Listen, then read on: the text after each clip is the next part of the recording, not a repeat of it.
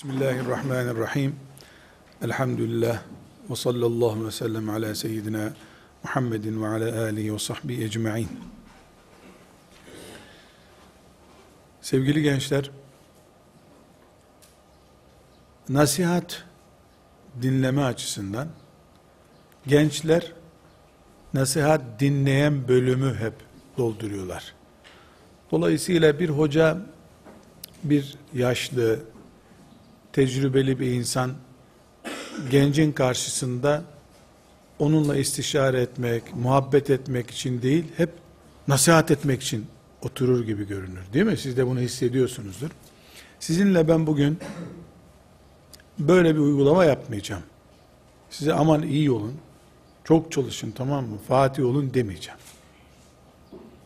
Onun yerine sizinle beraber hakikatları pekiştirmek, sizin evet bu böyledir diyeceğiniz şeyleri size hatırlatmak için burada olmak istiyorum. İnşallah. Çok uzun konuşmamıza gerek yok. Belli başlı bazı ana konuları konuştuk mu yeterli inşallah. Gençler bir konu, başlık, ünlem bir. Biz Allah'ın kuluyuz. Kainat Allah'ın. Bizi Allah yarattı, yaşatıyor, öldürecek, diriltecek, inşallah cennete koyacak veya cehenneme koyacak. Biz insan olarak ve bütün mahlukat hepimiz Allah'a aitiz. Şu kainatta söylenecek en realiter söz inna lillahi ve inna ileyhi raciun sözüdür. Hep Allah'a aitiz. Keşke keşke cenazeyi görünce değil de bir çiçeği görünce de inna lillahi ve inna ileyhi raciun diyebilsek. Keşke. Bu birinci kanun. Biz Allah'a aitiz. İki, Allah Azze ve Celle kemal sıfatı olan bir Allah'tır. Yani Allah ne yaparsa tam yapar. Eksik olmaz Allah'ta. Yanlış olmaz. Yersiz olmaz. Zoraki yaptı olmaz Allah için. Ne yaparsa tamdır. Ne diyoruz?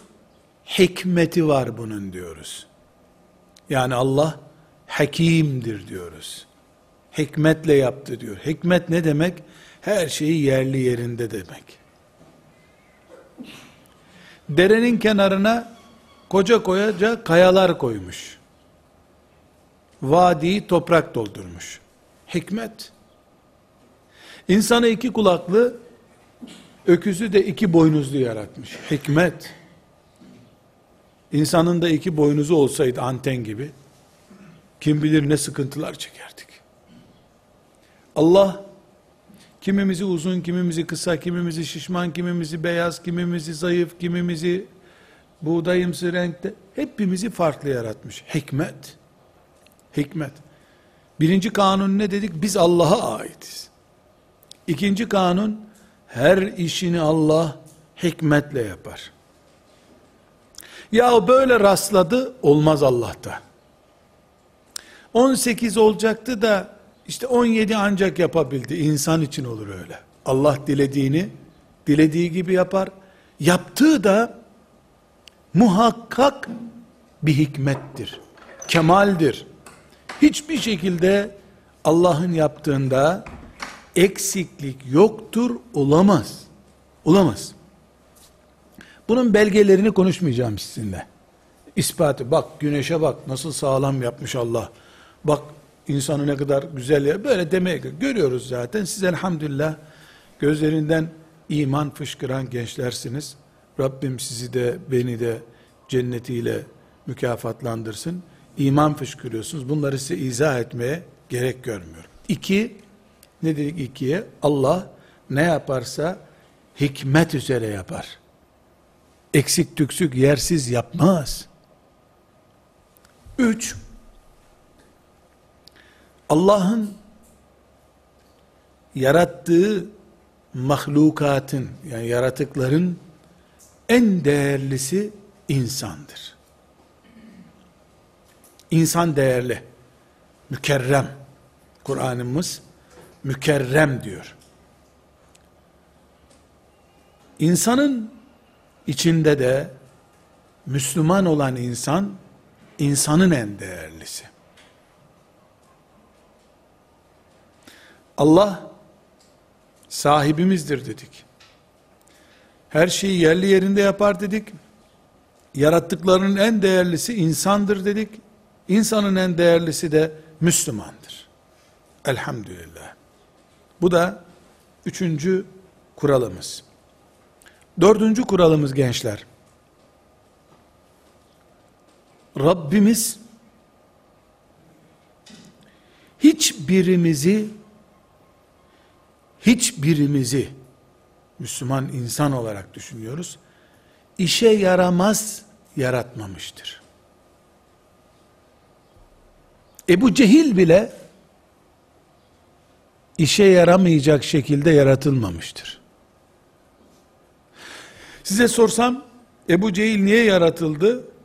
Sonunda geleceğiniz cevap nedir biliyor musunuz? Ebu Bekir radıyallahu anh'ın kıymeti anlaşılsın diye. Ebu Bekir'in radıyallahu anh darası Ebu Cehil'dir. Şunun siyah olduğu, koyu renkte olduğu, şunun beyazlığından anlaşılıyor. Her şey tek renk olsaydı, beyaz diye bir renk olmasa biz buna siyah diyemeyecektik. En kötü Ebu Cehil, hepinizin bildiği kötü isim, boş bir isim değil, Ebu Bekir'in darasıdır o, radıyallahu anh. Bir insan ne olmamalı Ebu Cehil'den anlaşılıyor. Dolayısıyla çok işe yarıyor bu dünyada. En azından cehennemde bir köşeyi dolduracak. Hiçbir işe yaramıyorsa. Dördüncü kuralda diyoruz ki, hiçbir insan, hiçbir insan, boşuna, gereksiz, işe yaramaz şekilde yaratılmamıştır. Hele hele, hiçbir Müslüman, asla ve kat'a, işe yaramayacak, çürük, defolu bir şekilde yaratılmamıştır hepimiz peygamber olacağız diyebilir miyiz? Kapı kapandı la ne peygamberliği? Bu ne kadar aptal bir cümle ise hepimiz peygamber olalım haydi gençler çok çalışın derslere hafız olun peygamber olacağız. Haşa. Ne kadar diyebilirsek bu söz ne kadar doğru anlamlı bir söz olabilirse bu hiçbir işe yaramıyor sözü de o kadar doğrudur. İşe yaramaz insan var diyorsan sen, gel, sen işe yaramıyorsun diyorsan eğer, bu cümlenin ucu nereye dayanıyor gençler? Allah işe yaramaz bir şey yarattı demek oluyor. Yapar mı Allah böyle bir şey? Hakim demiştik Allah için değil mi? Allah hakimdir bir işe yaramadı bir insan ve bunu Allah yarattı. Olur mu böyle bir şey? Sen kendinin ne işe yarayacağını keşfetmeden yaşıyorsun. İşe yaramaz insan yok Allah'ta. Çünkü Allah hakimdir, azizdir. Her işi hikmetli, yerli yerinde, yanlış olmayacak şekilde yapar. Böyle bir Allah'a iman ettiğimiz için mümin olduk zaten. Sizden herhangi biriniz, e ben 17 yaşındayım ama, yok canım ben bir işe yaramam. Hem üniversite kazanamam hem liseyi bitiremem diyorsa eğer, iki yanlış var. Hayat, üniversite kazanmak ve lise bitirmekten ibaret mi? Sen önce yanlışı burada başlatmışsın. İki, seni yaratan, nasıl boş yaratır? Kur'an ne diyor? Biz insanı boş mu yarattık zannediyor diyor. Sude diyor Kur'an-ı Kerim. İnsan boşuna mı yaratıldı zannediyor. Bir kere Subhanallah demek bu dünyanın kıyametinin kopmaması için yeterli mi değil mi gençler? Hadis ne diyor? Bir kere Allah diyen bulunursa dünya yıkılmayacak diyor. Herhangi bir genç bir kere Subhanallah diyemez mi? Müslüman. Böylece dünyanın bir saat ayakta kalmasını sağlamaz mı? Hani işe yaramıyordu? Mümin bir genç şu kainatın düzeninin devamı için yeterli potansiyelin sahibidir. Biraz sonra zikredeceğim. Katilimiz anne babalarımız, öğretmenlerimizdir. Bizi filan üniversiteye giren filan koleji kazananlarla ölçüp başarılı veya başarısız değerlendirdikleri için bu işe yaramaz delikanlılar diye karar verdiler. Allah'ın projesine göre değil, devletin okul imtihanları projesine göre puan verdiler bize. Halbuki herhangi bir delikanlı bir kere Subhanallah dese, galaksilerin, dünya düzeninin, güneş sisteminin çökmeme nedeni olacak bu değerimiz. Dolayısıyla dördüncü maddemizde diyoruz ki, biz kendimiz, ben, adım soyadımla ben, kesinlikle boş değilim, gereksiz değilim, defolu değilim. Tıpkı ben peygamber olacağım demem ne kadar sapıksa, işe yaramam sözü de o kadar sapıktır. Secde edemez misin? Bir iki rekat namaz kılamaz mısın? Allah iki rekat namaza Firdevs cenneti vermiyor mu? Firdevs cennetine değer bir insan nasıl değersiz olur? Sıkıntı nerede? Kanunları konuşuyoruz dedi. Ben sizinle büyük ilim adamları gibi konuşmak istiyorum gençler. Nasihat etmeyeceğim dedim başta. Büyük ilim adamı inşallah olacaksınız Allah'ın izniyle. O ufku sizinle konuşuyorum. Bir A4 kağıdı diplomasını Firdevs cennetinden değerli gören sapık göz işe yaramıyor bu genç için diyor. Allah Firdevs cenneti vermeye uygun bulduğu bir kulunu o filan kolejin imtihanını kazanamadı diye basit görüyor. Bakış sıkıntısı bu. Bunun adına bakış hatası diyoruz. Dördüncü maddemizde bu. Beş. Beşinci kanunumuz. Gençler çok duymuşsunuzdur. İşte bir ulusun geleceği gençlerdir. Ulan bunu anlamayacak ne var ya? Elbette 70 yaşında adamlarda gelecek yok zaten. 17 yaşındakilerde gelecek var. Bunu anlamak için devletin bayram ilan edip gençlik bayramı ilan edip orada konuşma yapması ne kadar boş bir şey. Bunu söylemeye ne gerek? Görünen köy kılavuz istemez ki. Ama ben bugün size bu sözün hayal olmayanını, gerçek olanını söyleyeceğim. Adem aleyhisselamdan beri, Adem babamızdan beri, gençlere Peygamber Efendimiz kadar yatırım yapan hiç kimse yoktur. Beşinci kanun bu. Aşere-i mübeşşereyi biliyorsunuz değil mi? Cennetle yüzde yüz müjdelenmiş. Ashab-ı kiram hep cennetle müjdeli ama yüzde yüz elinde tapu belgesi gibi on kişinin belge var elinde. Sen cennettesin demiş. Yoksa hepsine umumi bir cennet vaadi var zaten. Ama birine de senin koltuk numaran belli orada. Bileti alınmış yani hazır. Öbürleri daha bilet check-in yaptıracaklar. Daha işleri var. Bunların yedi tanesi gençken o övgüyü kazanmışlar.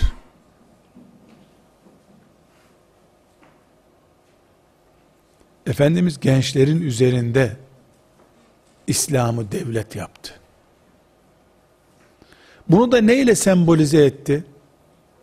Vefat edeceğinden iki gün önce Üsame 17 yaşındayken başkumandanlık vazifesini ona verdi. O gün 61 yaşındaydı Ebu Bekir. Ebu Bekir de onun emrinde bir askerdi.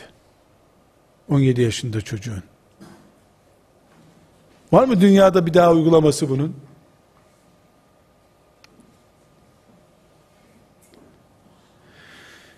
Elimizdeki Kur'an'ı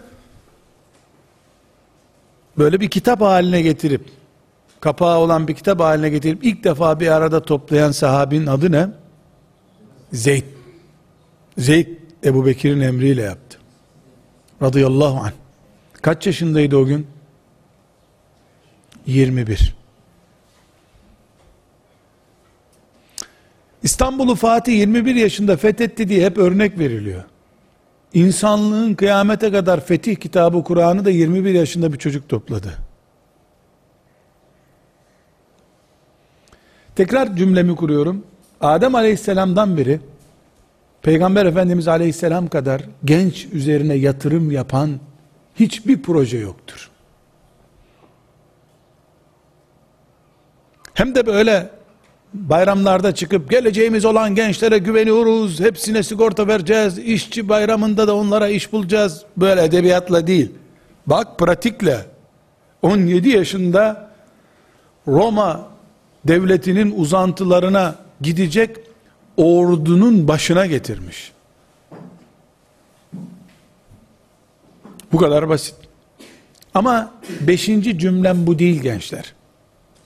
Beşinci cümlem şu. Bu onun ön sözüydü. Seni 17 yaşındayken böyle gören peygamberine karşı sen daha henüz e, yani genç ben babam yaşıyor sonra hoca bana görev vermedi henüz düşünürsen öyle kutlu doğum haftasında naat okuyarak peygambere yaklaşamazsın aleyhissalatü vesselam sevgi karşılıklı olur değil mi? Seni 17 yaşında elindeki sancağı alacak güçte görüyor. Sen hala e, kimi seveceğini de bilemiyorsun. Hangi kızı seveceğinden de haberin yok. Kör gidiyorsun dünyada. Beşinci cümlem şu. Bu büyük dünya projesinde hepimizin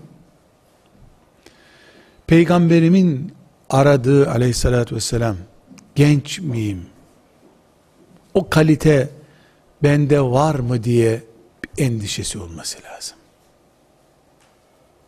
Dördüncü maddeye dönüp defolu mu yaratıldım, eksik mi yaratıldım diye düşünebilirim.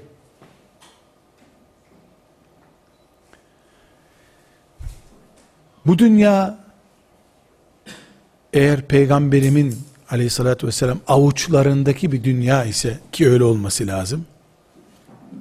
Ben de peygamberimin avucundaki dünyanın taşlarından bir taşım o zaman. Altıncı maddeye geçiyorum.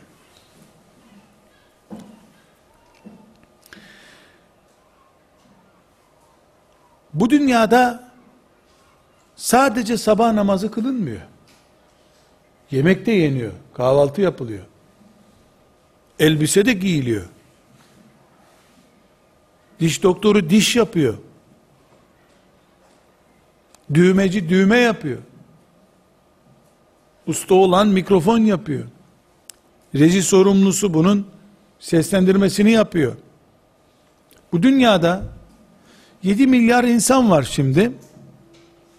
Belki 7 bin çeşit de meslek var, iş var. Bunlardan hiçbiri kaldırılamaz dünyadan.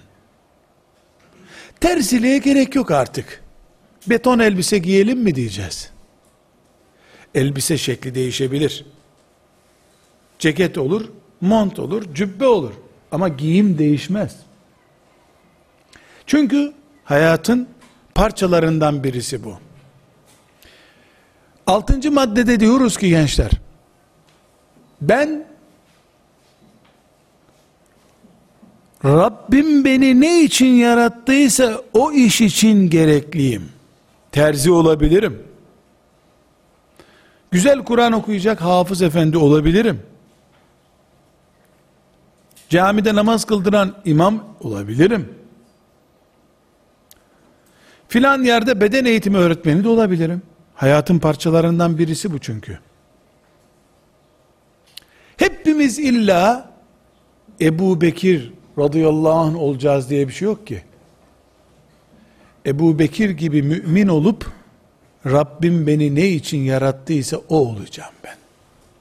İmanımız Ebu Bekir'e benzeyecek.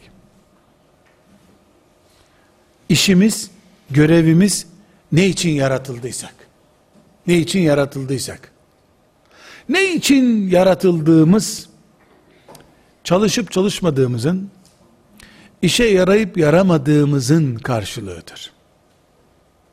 Altıncı madde bu. Yedinci maddemiz gençler, gerek annelerimiz, babalarımız, gerekse muallimlerimiz, öğretmenlerimiz, danışmanlarımız ve gerekse 15 yaşından sonraki gençler olarak siz hepimiz iki türlü geleceğimizi belirleyeceğiz. Bu altıncı maddedeki ne işe yaradığımız geleceğini. Birincisi, hepimiz doktorun önlüğü beyaz, beyaz önlükte çok yakışıyor, hepimiz doktor olalım diyeceğiz. Aptalca. Reklama, görüntüye aldanarak geleceğimizi belirlemeye kalkacağız. Filanca futbolcu koşarken saçları geri geri rüzgar atıyor onu böyle çok güzel yele gibi oluyor saçları.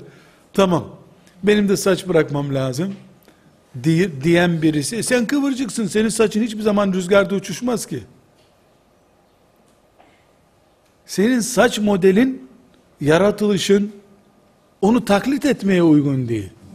Sen niye tabiatını bozuyorsun? Meslek seçimimiz, ne işe yarayacağımız seçimimiz de bu bizim. Filancanın önlüğü çok güzel. İyi de o önlüğü giydiği göğsündeki matematik kafası sende yok. Sende filan ezber zekası var.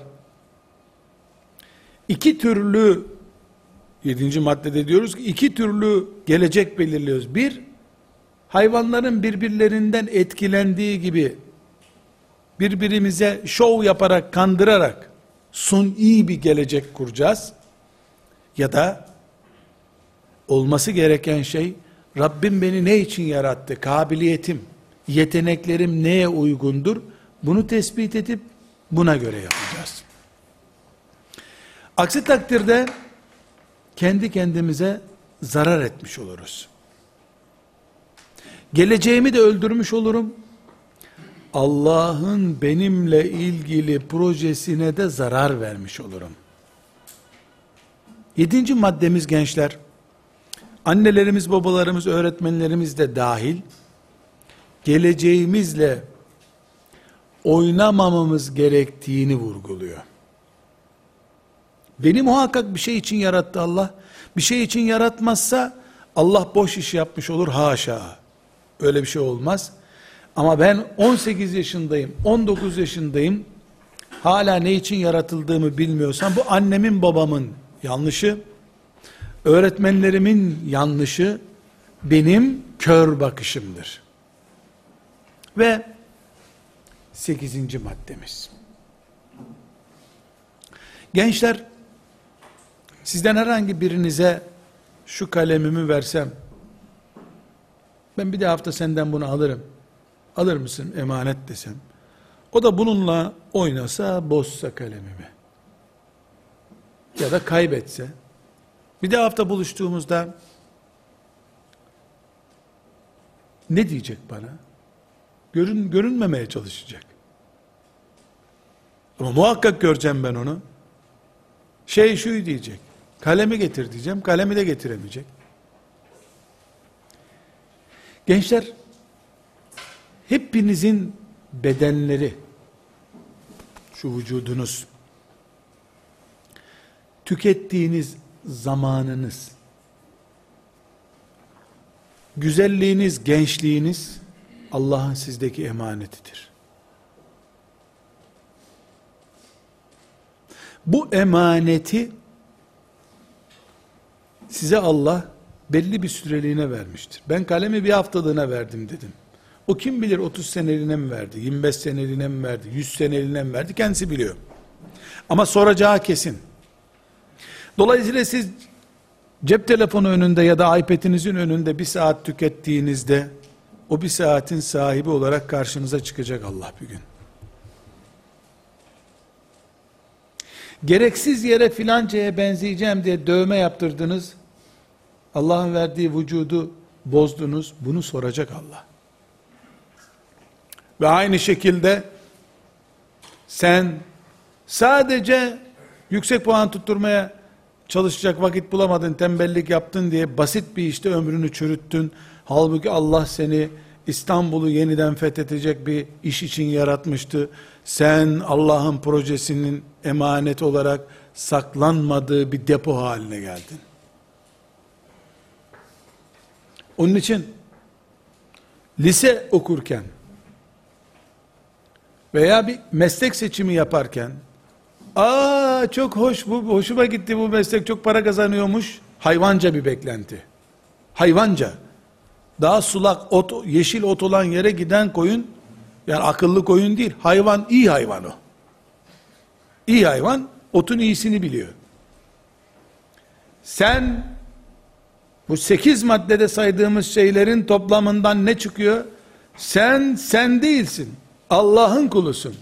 Bir proje için yaratıldın. Bir boşluk dolduracaksın sen. Sadece kendini düşünemezsin. İş tercihinde, bedeninle ilgili, aklınla ilgili, kabiliyetinle ilgili değerlendirme yaparken sen kendi menfaatlerin bir, ümmetinin menfaatleri iki, ailen, anne babanın menfaatleri üç. Bu üçünün ortak paydasını bul, ona göre iş tercih et, ona göre vakit harca, ona göre konuş, ona göre iş yap. Çünkü sen sadece 18 yaşında, 21 yaşında bir genç değilsin. 21 yaşında Allah'ın kulu filanca çocuksun. Başıboş değiliz demiştik. Proje Allah'ın, rızık Allah'ın, cennet Allah'ın, karar senin. Olur mu böyle bir çelişki? Kararında Allah'ın ve onun peygamberinin ümmetinin katkısı yok. Sadece kendi menfaatine göre. Fakültenin şöhretine göre karar veriyorsun. İşteki paraya göre karar veriyorsun. Bu Müslüman karakteri değil. Bu koyun karakteri. Daha yeşil, sulak ot arıyor devamlı. Dokuzuncu kararımız gençler. Nasihat etmiyorum. Nasihat olacak gerçekleri sizlerle paylaşmak istiyorum. Dokuzuncu kararımız. Ya da dokuzuncu kuralımız. Bu dünyada bana bir kilo peynir ver diyene iki kilo peynir verecek hiçbir market yoktur. Niye fazla versinler ki? Az isteyene çok vermek diye bir kanun olmaz dünyada. Tıpkı bunun gibi küçük düşünene büyük şeyler veren bir Allah da yoktur.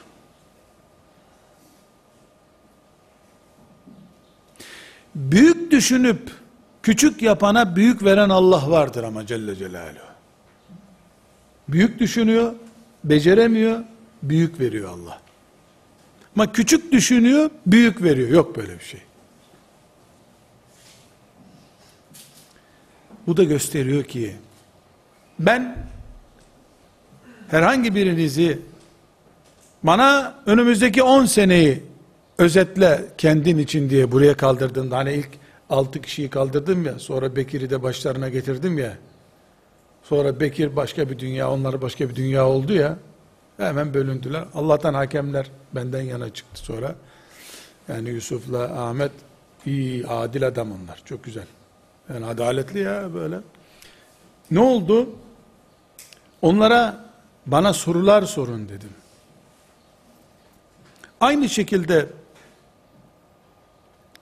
bir genci kaldırıp 2015'teyiz. 2025'e kadar sen kimsin bana anlat dediğimde ceketini çözüp çünkü heyecanlanacak, terleyecek o arada çözüp inşallah 2025'te ben yaşamıyor olsam bile projelerim sayesinde küfür yeryüzünden silinmiş olacak. Güzel. Kelime-i tevhidin uygulanmadığı diyar kalmamış olacak. Kahkahayla güleceğiz biz tabi. Dönüp bize diyecek ki, bu kadar peşin güldüğünüze göre bana inandınız demek ki diyecek. Çünkü Kur'an ne diyor? O gün müminler mutlu olacaklar diyor. Siz şimdiden mutlu oldunuz. Beş dakika sonra da bu kardeşimiz maazallah bir trafik kazasında öldü gitti. Biz ulan adam şehit oldu peşin diye alay edeceğiz. Neyle dirilecek gençler bu? Hadisi şerif ne? İlk hadis ne? İnnemel a'malu bin niyat. Herkese niyetinin karşılığı var. Yapıp yapamadığına baksa Allah bir insanın Nuh Aleyhisselam kaç kişi iman ettirdi ki? Peygamberlik görevinin iptal olması lazım Nuh Aleyhisselam. Üstelik de dünyanın suya boğulmasına sebep oldu. İptal oldu mu Nuh Aleyhisselam'ın peygamberliği? 124 bin peygamberin ilk 25'ine girdi mi Kur'an listesine? İlk 25'in de ilk 5'ine girdi mi? Ulan 5 kişilik Müslümanı yok. İlk 5'e girdi ama. Allah rakam toplamıyor ki yürek topluyor. Nuh Aleyhisselam'ın yüreğinde bütün ağaçları bile iman ettirmek var mıydı? Vardı. Biz de Nuh Aleyhisselam'a iman ediyor muyuz bir peygamber olarak? Kur'an bize hikaye mi anlatıyor yoksa örnek mi veriyor? Nuh Aleyhisselam masal mı? Hikaye mi? Sanal dünyadan bir örnek mi? Realiteden bir örnek ve bize örnek. Onun için 9. maddede diyoruz ki sen gördüğün rüyaların kadar bulacaksın Allah'tan. Rüyan senin neyse gündüzün ne olursa olsun sen olsun. Onun için gençler sapık denecek kadar böyle sapık denecek kadar olsa büyük düşünmek zorundasınız. Cenneti büyük düşün. Ya cennetin şöyle bir kapısından bir görelim orada bekçi kulübesinde dururuz. Yok öyle şey. Adın cennetine giderim ben inşallah. Almazlarsa ya ben istiyorum da almazlarsa almasınlar. Ben istiyorum olması lazım. Ben gençlere tanıştıklarımda soruyorum. Mesela ne olmak istiyorsun? Ben de işte bu zamanın Fatih'i olmak istiyorum. Sultan Fatih mi? Yazıklar olsun sana diyor. Olmuş bir şeyi niye bir daha oluyorsun ki? Artı Fatih ol. Bak Fatih'in Roma'ya gücü yetmedi. Sen Fatih olacağım diyeceksin. Gene bizi buralarda badanaj yaptıracaksın sen. Ulan be İstanbul zaten fethedilmiş güzelim.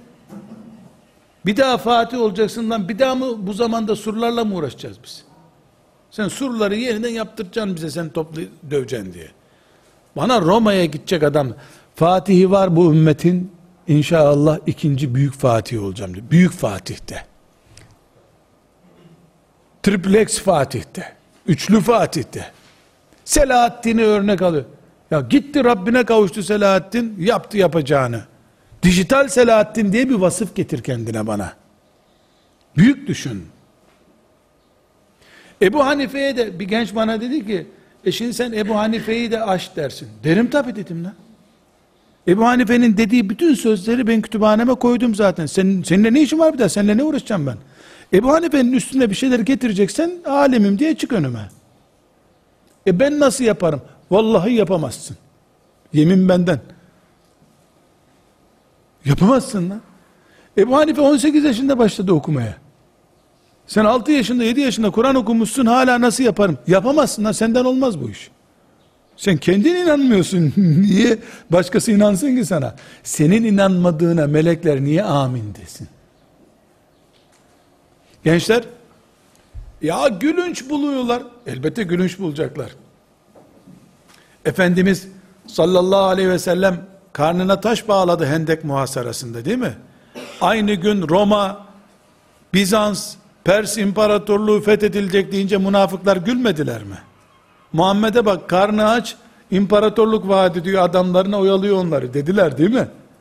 Aleyhissalatü vesselam. Sonra ne oldu ama? Elbette gülecekler sana. Zaten gülünç olmayacak bir şeyi sen hayal etsen sıradanlaşacaksın. Ben sana sıradan biri olma diyorum. Sıradan biri olma diyorum. Gençler onun için ben buraya soru soru diye altı kişi çıkardım. Hakem çıkardık. Hakemin hakemlerini çıkardık. Çünkü sorduğun sorular dertlerin senin kapasiteni gösteriyor zaten. Bekir'i nasıl deşifre ettik? Ee, nasıl deşifre oldu Bekir? Millet Kudüs'ten, insanlıktan bahsediyor. O nereden bahsediyor? Ama en doğalını Bekir yaptı. Gerçekçiydi.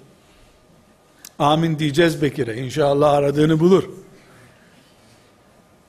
Babasının elini ayağını mı öper artık ne yapar bilmiyorum. Babasıyla arasına girmeyeceğiz biz tabi. Hayalleriniz yüzde birine ulaşabilirim. Çok büyük rakam.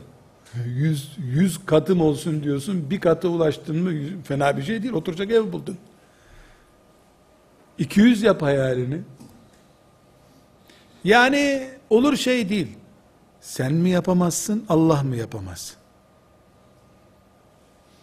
Kime zor? Allah mı yapamaz demek istedin? Alim. Ebu Hanife'yi geçecek alim olmak istiyorum. Bir dakika. Allah mı veremez sana böyle bir ilim? Biz ne demiştik? Allah'a aitiz. Her şeyi hikmetle yapıyor. Hiçbirimizi boşuna yaratmadı. Tamam. Seni Ebu Hanife yapmadı. Oğlunu da yapmadı. Onun oğlunu da yapmadı. Dördüncü torunun Ebu Hanife'den büyük bir alim oldu. Sen de o heyecanla evlenmiştin. Oğlum olsun öyle alim diye. Dördüncü oğlundan sana gelmeyecek mi kıyamet günü bu ecirler? İbrahim Aleyhisselam'ın zürriyetime ver bu peygamberliği dediğinde Peygamber Efendimiz çıktı İbrahim Aleyhisselam'ın torunu olarak 2000 sene sonra gelmedi mi? İbrahim Aleyhisselam duasına 2000 sene bekledi. Sen de 20 sene bekle. Büyük düşünmemek alkol kullanmak kadar büyük bir suçtur gençler. Cinayettir. Sabah namazına kalkmamak ne kadar yakışıyorsa size küçük düşünmekte, dört yıllık bir diplomayla yetinmekte, yani diplomanız olmasın diye demiyorum. Ana gayen dört yıl, dört yıl, dört yıl, dört yıl, iş, aş, selam. Böyle bir hayat, kısır döngü içerisinde yuvarlanmanız, sabah namazı kılmamak gibi bir suçtur. Sabah namazı kılmayanın suçu ne? Fani dünyayı alıp, ebedi hayatı, ahireti satıyor. Kısır düşünen de aynı cinayeti işliyor. Dokuzuncu maddemiz bu. On. Elbette ve elbette. Hiç tereddüt yok ki, hiçbirinizin yaşı bunları düşünmeye ve uygulamaya yetmez. Tecrübeniz az çünkü. Yüz kere yanılacaksın ki yüz birincide neyi yapacağını öğrenirsin. Onun için peygamberler hariç, peygamberler hariç, herkesin bir mürşide ihtiyacı vardır. Bu mürşit, bir, sana Rabbini tanıtacak. İki, dünya hayatını enine boyuna tanıtacak. Sadece Rabbini tanıtacak değil, dünya hayatını tanıtacak. Üç, hatalarında ikaz edecek. Dört, senden bir menfaati olmayacak. Beş, kendisi de bunu pratikte uygulayan biri olacak. Böyle bir mürşit, adına tarikat şeyhi de, abi de, kim ne dersen de, böyle bir mürşidin olmadan hiçbir şekilde bu dünyada bu dokuz maddeyi uygulayamazsın sen. Şeytan bırakmaz seni. Çünkü şeytan negatif mürşittir. Bunun negatif boyutunu hep yapıyor zaten. Pozitif mürşit de sen bulacaksın. Böylece ufkun açılmış olacak. Sen 18 yaşındasın, 19 yaşındasın, 59 yaşında, 69 yaşında bir mürşidin olacak. Sen onun yanında gezdiğin için 19 yaşındayken 69 yaşındaki birikimle yaşayacaksın. Ya da 19 yaşındaki birikimini yeterli bulacaksın. Hiçbir zaman gerçeklerle yüz göz olamayacaksın. Peygamber Efendimizin mürşide ihtiyacı yok. Niye? Cebrail mürşidiydi zaten. Aleyhisselam. Zaten mürşidi. Buna rağmen buna rağmen Kur'an ne diyor? Asabınla istişare et diyor. Ve şavirhum fil emr. Buna rağmen arkada asabında istişare et diyor. Buna rağmen Cebrail mürşidi olduğu halde. Gençler sözümde durdum. Size nasihat etmedim. Ay çocuklar yaramazlık yapmayın, derslere çalışın, temiz giyinin, sabah namazına kalkın demedim. Bunları zaten anlayacak kıvamdasınız. Allah mübarek etsin. Ama on maddede geleceğin umudu ümmetimin çiçeği olacağınız kıvamı size vermeye çalıştım. Rabbim bana uzun ömür versin. Sizin ümmetimin baharı olduğunuz, ümmetimi şenlendirdiğiniz günü bana göstersin. Ve o gün ben sizin bu güzel halinizi gördüğüm için sevinçten öleyim. Hepinize Rabbimden sıhhat, afiyet, cihat kıvamında bir hayat lütfetmesini niyaz ediyorum. Selamun aleyküm.